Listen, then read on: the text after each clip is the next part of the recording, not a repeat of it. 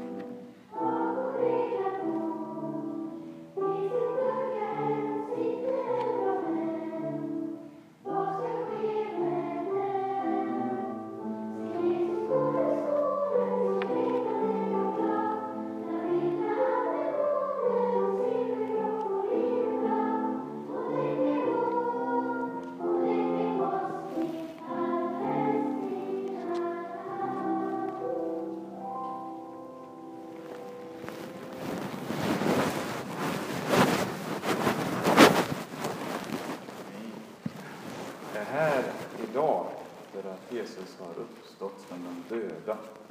Det är förstås så att vi är här var och en för att vi har bestämt oss för att åka till kyrkan och fira påsk och, och höra om den uppståndne. Altarskåpet öppnas och ljusen tändas och se bilden av Kristus på sin tron. Men vi är faktiskt också bokstavligen här idag för att Jesus har uppstått från de döda.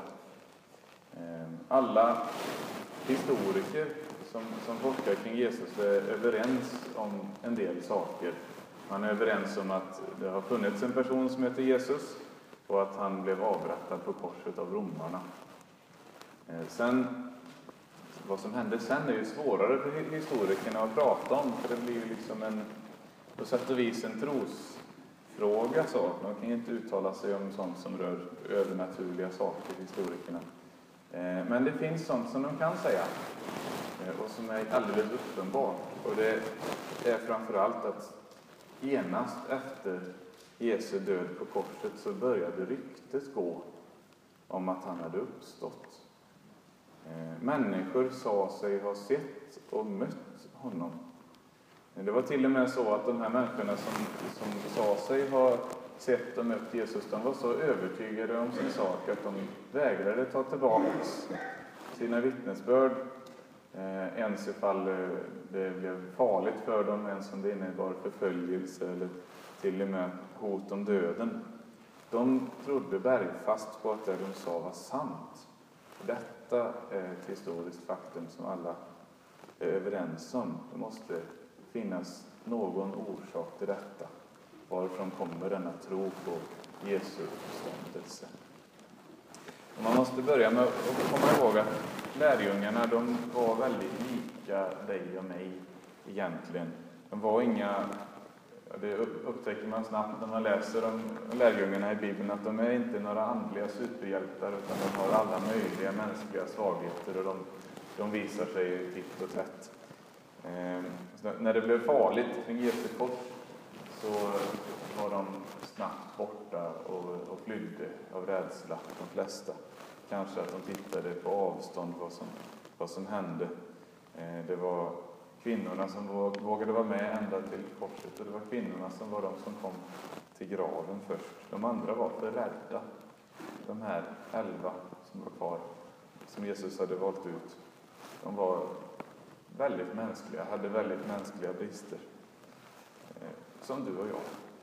Och de visste också, och det fanns ingen anledning att tvivla på det, när romarna korsfäste någon, då visste de, de kunde sina saker, de gjorde det här hela tiden och de var brutala och skickliga på att döda människor på plågsamma sätt. Så att Jesus verkligen var död, det var det inte heller någon som tvivlade på. Det var inget tvivel om den saken. Eh, och det står också mycket riktigt att när kvinnorna kom från graven på påskdagsmorgonen eh, så trodde inte lärjungarna på dem. Det var bara prat.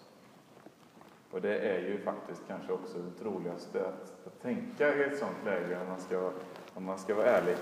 Om någon kom och berättade för mig att en, eh, en släkting, eh, hans grav här ute, den är tom, då skulle inte min första tanke vara att han har nog uppstått.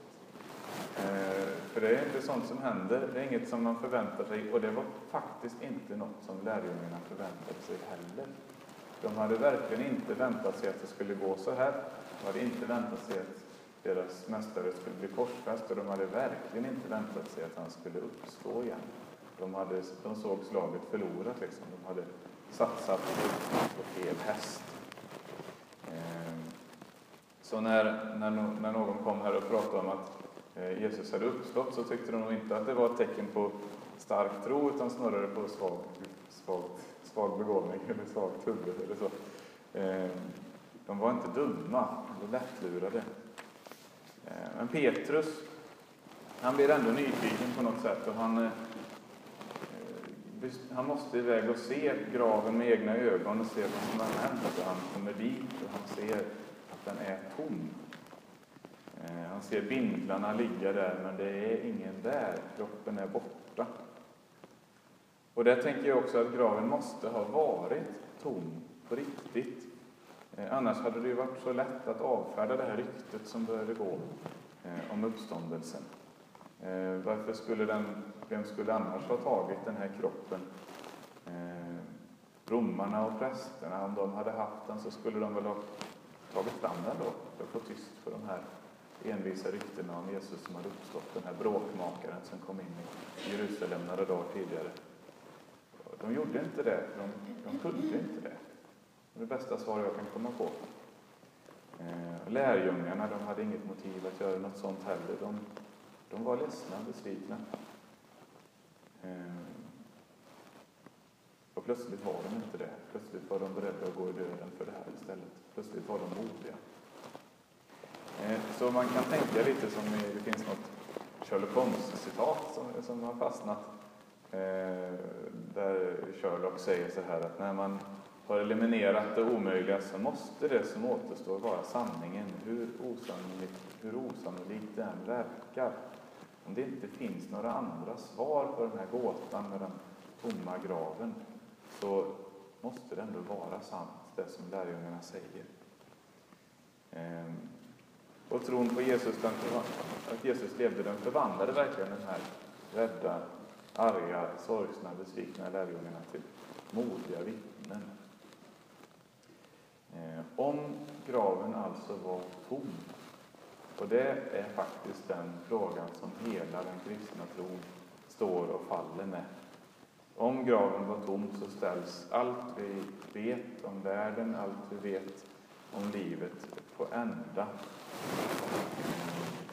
Vi tänker oss kanske, vi kanske, vi kan känna igen oss mycket i lärjungarna vid eh, efter korsfästelsen. Att förr eller senare så, så går det åt skogen med många saker. Ehm, eh, vänner försvinner, hälsan sviktar, Eh, hunger och krig rasar runt om i vår värld och eh, hela skapelsen lider under människornas eh, ondska och sårighet. Eh, vi kan känna igen oss i det där och, och på något sätt så är det, när, det, när vi vågar känna på de tankarna, då, då känns det som att det är nog så ändå att Döden har sista ordet. En dag så är det den som står segrande kvar. Allt det här som jag hoppas på, allt det här som jag älskar, det kommer förr eller senare försvinna förgås. Men om den här graven nu inte var tom så är det inte så. Eh, och det tog nog tid för de här Petrus och de andra att fundera på vad det betydde egentligen det här. Men ifall Jesus har uppstått så är det så att de, den de kände eh, Jesus, han hade visat sig vara starkare än döden. Starkare än, och är han starkare än döden så är han väl starkare än allt annat som, man, som de var rädda för också. Varför skulle de vara rädda för romarna ifall de kände en som var starkare än döden? Eh, varför skulle de överhuvudtaget vara rädda för något när de var i, tillsammans med Jesus, var i, på Guds sida? Eh, desto mer de förstod, desto mer förvandlades deras syn på livet och så kan det också vara för oss. Eh, våra liv förvandlas ju mer vi lyckas att ta till oss det här eh, stora påskevangeliet. Eh, Den yttersta sanningen om våra liv är inte att döden får sista ordet eller att vi är i händerna på ett skoningslöst öde eller så, utan att Jesus har makten och Jesus har hand om oss. Jesus har omsorg. Våra liv ligger i Guds händer. Ehm, sen stannade det inte vid den tomma graven för lärjungarna. I evangelierna så står det också om hur de fick möta honom levande. De fick tala med honom, de fick se såren i hans händer och fötter och i hans, eh, i hans sida. De får eh, se olika tecken på att det här var på riktigt, alltihop. De hade inte sett till synen när de såg spikarna slås in. Men det hade hänt. Ehm, ehm, Jesus han verkar ändå, det verkar också vara annorlunda med honom. Plötsligt så kommer han och går genom, eh, genom låsta dörrar och dyker upp och försvinner. Om ett tag kommer Kristi himmelsfärdsdag här, då firar vi detta denna uppståndne Kristus, han finns överallt, osynlig bland oss. Har han inte dött så lever han än. Så är det. En av de enkla men oerhört märkliga sanningarna i den kristna tron.